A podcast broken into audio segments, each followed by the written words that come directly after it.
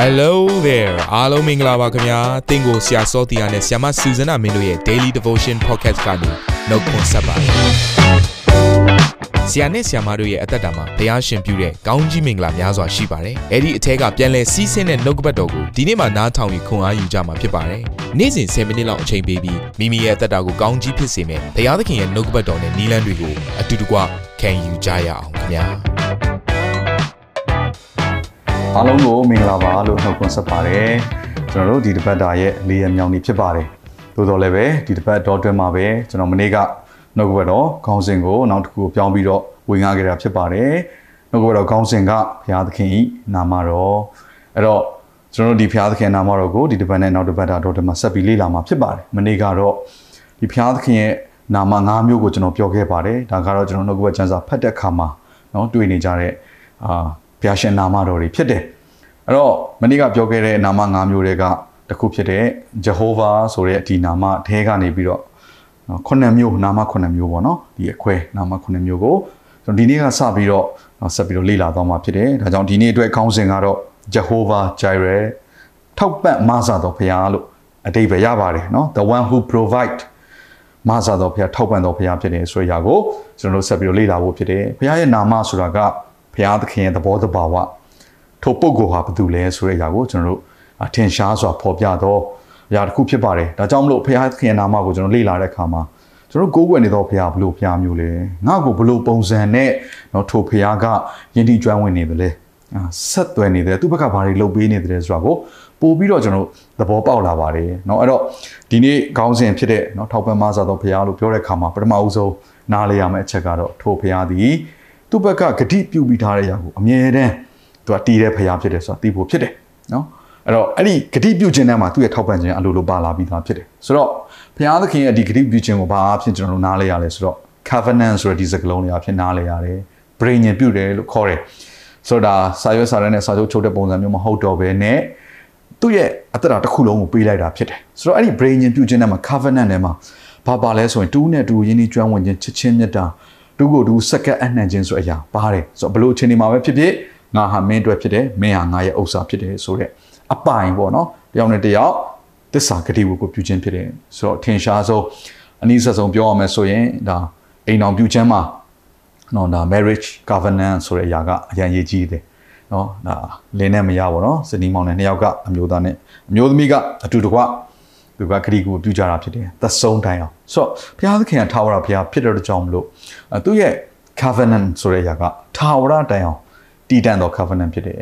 ဆိုတော့ဘုရားသခင်ကသစ္စာရှိသောဘုရားဖြစ်တယ်ဒါကြောင့်နံပါတ်1ချက်ထိုဘုရားသခင်ဟာသစ္စာရှိတဲ့ကြောင့်မလို့ကျွန်တော်ဘက်ကဘာမှအတန်တရားဖြစ်စရာမရှိဘူးထိုဘုရားသခင်ကဘာတွေပေးထားသလဲဘလို့ဘုရားမျိုးလဲဆိုတော့သဘောပေါက်ဖို့ပဲဖြစ်ပါတယ်ဒါကြောင့်ပထမဦးဆုံး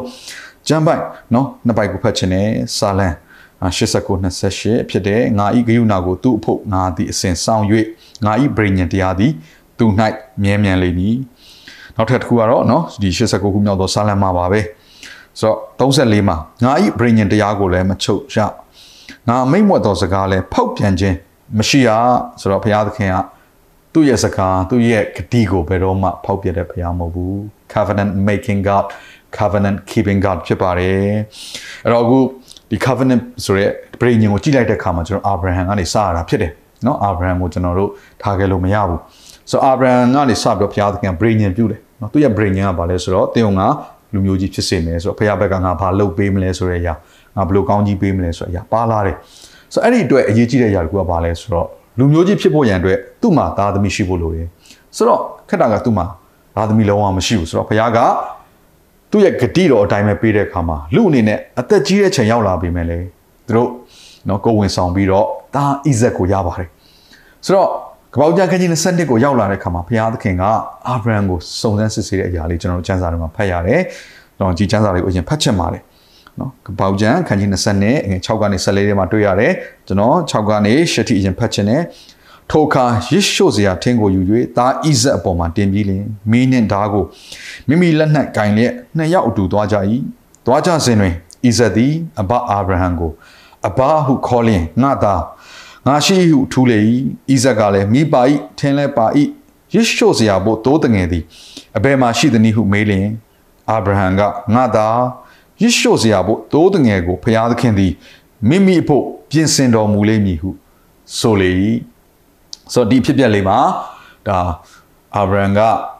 သူ့ရဲ့သားဣဇက်ကိုဖျားရှင်တောင်းတဲ့အတိုင်းနာခံတယ်ဝန်ခံတယ်အနှံတယ်ဆိုတဲ့အရာကိုကျွန်တော်တွေ့ပြီးတော့เนาะသူ့ရဲ့ယုံကြည်ခြင်းနဲ့တွေ့ရတယ်အဲ့တော့သူကဒါမီရှို့အရာရင့်အနေနဲ့ဖះအောင်ငါပူဇော်မယ်ဆိုတော့မငင်းပဲနဲ့ပူဇော်ဖို့ပြင်ဆင်တဲ့အခါမှာသူ့ရဲ့သားဣဇက်ကမေးတယ်အဖေเนาะကျွန်တော်မှထင်းနေမိတယ်လည်းပါတယ်အဲ့တော့ပူဇော်မယ့်ရက်ကောင်ဘယ်မှာလဲမေးတဲ့အခါမှာအာဗြဟံပြန်ပြောတဲ့ຢာကမပူနဲ့เนาะမစိုးရိမ်နဲ့ အဲ့ဒီအတွက်ဖះကပြင်ဆင်လိမ့်မယ်ဆိုတဲ့အရာကိုဆိုတော့ဘုရားသခင်ကထောက်ပံ့မဆတဲ့ဘုရားဖြစ်တယ်ဆိုစပြီးတော့သူကပြောလာတယ်။အော်ကျွန်တော်ဒီအဖြစ်ပြက်လေးကိုကြည့်လိုက်တဲ့အခါမှာเนาะနောက်ဆုံးမှာအာဗြဟံကတောင်းပေါ်ရောက်တယ်။သူကဘာလုပ်လဲဆိုတော့နော်လာရစ်ပလင်ကိုပြင်ဆင်တယ်ထင်းကိုပြင်ဆင်တယ်ထင်းပေါ်မှာသူ့ရဲ့သားဣဇက်ကိုတင်ပြီးတော့သူကနော်ဓာတ်ကိုကင်ပြီးတော့စပြီးတော့တတ်ဖို့လုပ်တဲ့ချိန်မှာကောင်းကင်ကအတန်ကနော်စပြီးတော့သူ့ကိုခေါ်လာတယ်။အဲ့တော့မင်းရဲ့သားနော်သူဟာနော်သူ ကောင်းတဲ့သားဖြစ်တယ်ဆိုတာငါသိတယ်နော်အဲ့တော့သူ့ကိုမတတ်နဲ့ဆိုပြီးတော့ဘုရားသခင်ကကောင်းကင်တမန်အဖြစ်စကားပြောပြီးတော့ဘာပြင်ဆင်လဲဆိုတော့ရစ်ပူဇော်စရာနော်တိုးတငယ်ကိုပြင်ဆင်တယ်ဆိုတော့ကျွန်တော်တို့ကျန်းစာကိုအင်္ဂလိပ်ကျန်းစာကိုဖတ်မှာဆို RAM ဆိုတာလေးကိုတွေ့ရ RAM ဆိုတာကတစ်နှစ်သားအရွယ်ဖြစ်သွားပြီနော်ဂျိုနဲ့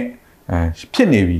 ဒါပြောရမယ်ဆိုရင်တိုးတငယ်ပေါက်စာလေးမဟုတ်တော့ဘူးเนาะ sheep ဆိုတဲ့တိုးတငယ်ပေါက်စာလေး lamb ဆိုတဲ့တိုးတငယ်ပေါက်စာလေးအဲ ဒီလိုပုံစံမျိုးမဟုတ်ပါဘူးသူရဲ့အတုံးတော့ ram ram ဆိုတာကအရွယ်ရောက်ပြီဖြစ်တော့တိုးတငယ်ဆိုတော့ဒီတိုးတငယ်လေးကဘယ်သူကိုပုံဆောင်လဲဆိုရင်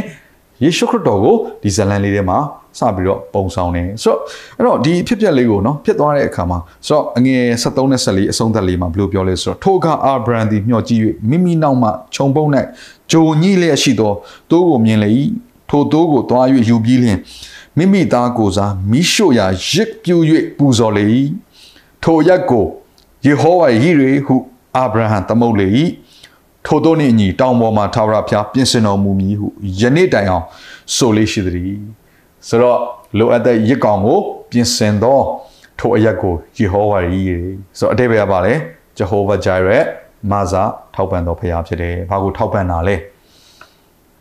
ထိုရစ်ပလင်ပေါ်မှာပူဇော်မဲ့ ရစ်ကောင်ပြီးဟူသောတိုးတငယ်ကိုထောက်ပံ့တယ်ထိုတိုးတငယ်ကဘာတူလဲလက်ဝါးကားတိုင်းပေါ်မှာတင်တဲ့ကျွန်ုပ်အတွက်ပူဇော်ခြင်းကိုခံတော့အသက်သေးလျက်เนาะကျွန်တော်တို့တရားမယ့်နေရာเนาะကျွန်တော်တို့တရားစီရင်ခံမယ့်အရာကိုကိုစားပြင်ဆင်တော့တိုးတငယ်လေးဟူသောယေရှုခရစ်တော်ကိုပြောနေတာဖြစ်ပါတယ်အဲ့တော့ဘုရားသခင်ပြင်ဆင်ခြင်းဟာเนาะပြောမှာဆို ultimate provision လို့ခေါ်တယ်သူကနည်းနည်းလေးပေးတာမဟုတ်ဘူးเนาะလိုအပ်တဲ့လောက်ပေးတာမဟုတ်ဘူး ပေးနိုင်တဲ့မြအကုန်လုံးတွေကအကောင်ဆုံးကိုပေးလိုက်တာဖြစ်တယ်ဆိုတော့ဒီအဖြစ်ပြက်လေးမှာဆိုရင်အာဗြဟံကခမည်းတော်ဘုရားကိုပုံဆောင်သူသူ့ရဲ့သားဣဇက်ဟာယေရှုခရစ်တော်ကိုလည်းပုံဆောင်ပြန်တယ်ဆိုတော့ပုံဆောင်ချက်လေးရှိတယ်ပေါ့နော်ဒီအဖြစ်ပြက်လေးမှာဒီဇလန်လေးမှာအဲ့တော့ဖခင်ဖြစ်တဲ့အာဗြဟံကသူ့ရဲ့တူရီတော်သားဣဇက်ကို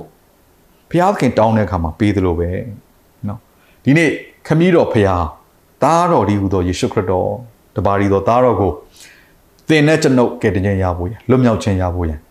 ပေးပါတယ်ထောက်ပံ့ပေးပါတယ်ဒါကြောင့်ကျွန်တော်ပြောပြခြင်းတယ်ထောက်ပံ့ခြင်းဆိုတဲ့အရာကိုကျွန်တော်စဉ်းစားတိုင်းမှာတစ်ခါတလေမှာငွေကြေးဆိုတော့သွားစဉ်းစားတယ်အစားအသောက်ကိုစဉ်းစားတယ်ကျွန်တော်ရဲ့လိုအပ်ချက်တွေကိုစဉ်းစားတယ်ဆိုတော့ဘုရားသခင်ထောက်ပံ့ခြင်းကဘယ်ကစလာလဲဆိုရင်နည်းနည်းလေးကစမလာပါဘူးအမြင့်ဆုံးအကောင်းဆုံးတူရီတော်တာယေရှုခရစ်တော်ကိုသင်နဲ့ကျွန်တော်အတွက်ကိုစားအသေးခံဖို့ရန်အတွက်တိုးတငယ်လေးတို့ပြင်ဆင်ပြီးပေးလိုက်တာဖြစ်တယ် ဆိုတော့ဒီအဖြစ်ပြက်ကကျွန်တော်နားလေရတဲ့အရာကတော့ထိုဘုရားသည်အကောင်းဆုံးသောအရာကိုထောက်ပံ့တော်ဘုရားဖြစ်တယ်ဆိုတော့အကောင်းဆုံးသောအရာကိုပေးပြီးမှတော့အခြားသောအရာတွေမပေးပဲเนาะဘယ်နေမလဲဆိုတဲ့အရာလေးကိုလည်းကျမ်းစာထဲမှာကျွန်တော်ဆက်ပြီးတော့ဖတ်ရပါတယ်လို့เนาะအဲ့တော့ယောမအခန်းကြီး၈ငယ်32မှာမိမိသားတော်ရင်ကိုမနှမျောပဲငါတို့ရှိသမျှအဖို့လုံးကစွန့်တော်မူသောသူသည်သားတော်နှင့်တကွာခတ်သိမ်းသောအရာတို့ကိုငါတို့အားမပေးပဲ အဘယ်သို့နေတော်မူမည်နည်းဟာလေလုယာအဲ့တော့တပါးရီသောသားတော်တန်မိုးအရှိဆုံးเนาะအချစ်ရဆုံးဒီသားကိုသင်တဲ့ကျွန်တော်အတွက်ချစ်စရာမကောင်းသောအပြစ်သားအတွက်ပေးတယ်ဆိုမှတော့ကျန်တဲ့ຢာတွေကိုမပေးဘဲဘယ်လိုနေမှာလဲဆိုတော့ကျွန်တော်တို့ထောက်ပံ့မဆခြင်းကိုစဉ်းစားလိုက်တိုင်းမှာပထမအဆုံးစဉ်းစားမယ့်ຢာကခမည်းတော်ရဲ့မေတ္တာနဲ့သားတော်ယေရှုခရစ်တော်ရဲ့ပေးဆက်ခြင်းဖြစ်ပါတယ်เนาะအဲ့တော့ယောဟန်ခန်းကြီး1ငွေ29မှာ ဘယ်လိုပြောလဲဆိုတော့နတ်ဖြန်နေ့၌ယေရှုကြွလာတော်မူသည်ကိုယောဟန်သည်မြင်လင်ဗရိသန်ဆရာယောဟန်ကဘယ်လိုပြောလဲဆိုတော့ဤလောက၏အပြစ်ကိုဆောင်သွားသောဘုရားသခင်တိုးတငယ်ကိုကြည်လောတော့သင်ပထမဦးဆုံးမျှော်ကြည့်ရမယ့်သူကသင်ရဲ့အပြစ်ရှိသမျှကိုယူဆောင်ပေးသွားသောထိုတိုးတငယ်ယေရှုခရစ်တော်ကိုကြည်ရမှာဖြစ်တယ်အာမင်။ဘာကြောင့်လဲ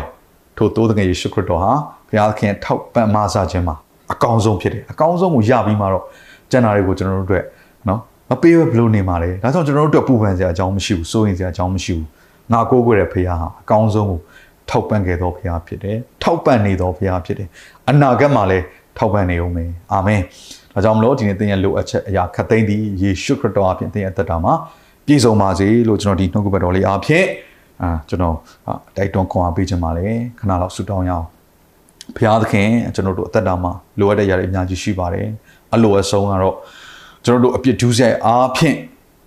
ငရဲကိုတွားရမယ့်အရာကနေပြီးတော့ထာဝရအပြစ်ဒဏ်ခံရမယ့်အရာကနေလွတ်မြောက်ရမယ့်အရာဖြစ်တယ်ထိုအရာအတွက်ကိုရောသည်ကောင်းကင်ဘုံရဲ့အကောင်းဆုံးကိုရဲ့တပါးရီသောသားတော်ယေရှုခရစ်တော်ကိုချစ်စရာမကောင်းသောအပြစ်သားအကျွန်ုပ်တို့အတွက်ကိုစားခံဖို့ရန်ဤလောကကိုဆေလွတ်လိုက်ပါတယ်ယေရှုဖခင်ကိုရောကိုယေရှုတင်တယ်ခမည်းတော်ဖခင်ကိုရောကိုယေရှုတင်တယ်လဝါကိုင်းပေါ်မှာနာကျင်စွာညှဉ်းပန်းနှိပ်စက်ခြင်းအသွေးသွန်းလောင်းခြင်းအဖြစ်ကျွန်တော်တို့အပြစ်ရှိသမျှကိုဆေးကြောပေးခြင်းအဖြစ်ကျွန်တော်တို့သည် ဒူးစရရဲ့ချုံနှောင်ခြင်းကလွတ်ပါပြီထာဝရအပြစ်စင်ခြင်းကလွတ်ပါပြီဖဖခင်သခင်ကိုရောထောက်ပံ့တော့အကောင်းဆုံးယေရှုခရစ်တော်အတွက်ကိုရောကိုယေရှုတင်တယ်လို့ထိုယေရှုခရစ်တော်အားဖြင့်ကျွန်တော်တို့အသက်တာမှာလိုအပ်သမျှအရာခတ်သိမ်းရပြည့်စုံပြီဖြစ်လို့ယေရှုတော်ကိုချီးမွမ်းကြပါတယ်အကျွန်တော်တို့ရဲ့ယနေ့လိုအပ်သောရာအနာဂတ်လိုအပ်သောရာများကိုလည်းထောက်ပံ့ပေးမယ်ဆိုတာယုံကြည်လျက်အသက်တာများကိုစက္ကန့်အနန္တခါမှာအသက်ရှင်၍မနေ့ယနေ့နောက်ကာလအစဉ်မပြောင်းလဲသော ယေရှုခရစ်တော်၏နာမကိုအမိပြုလဲဆုတောင်းစက္ကန့်အနန္တကြပါ၏အာမင်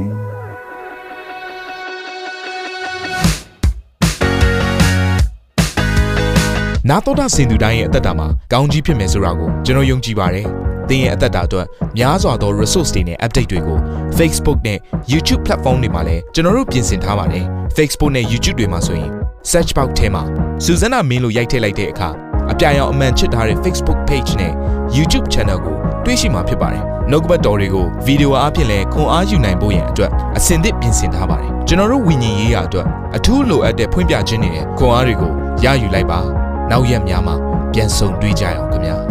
အားလုံးကိုနှုတ်ဆက်ပါတယ်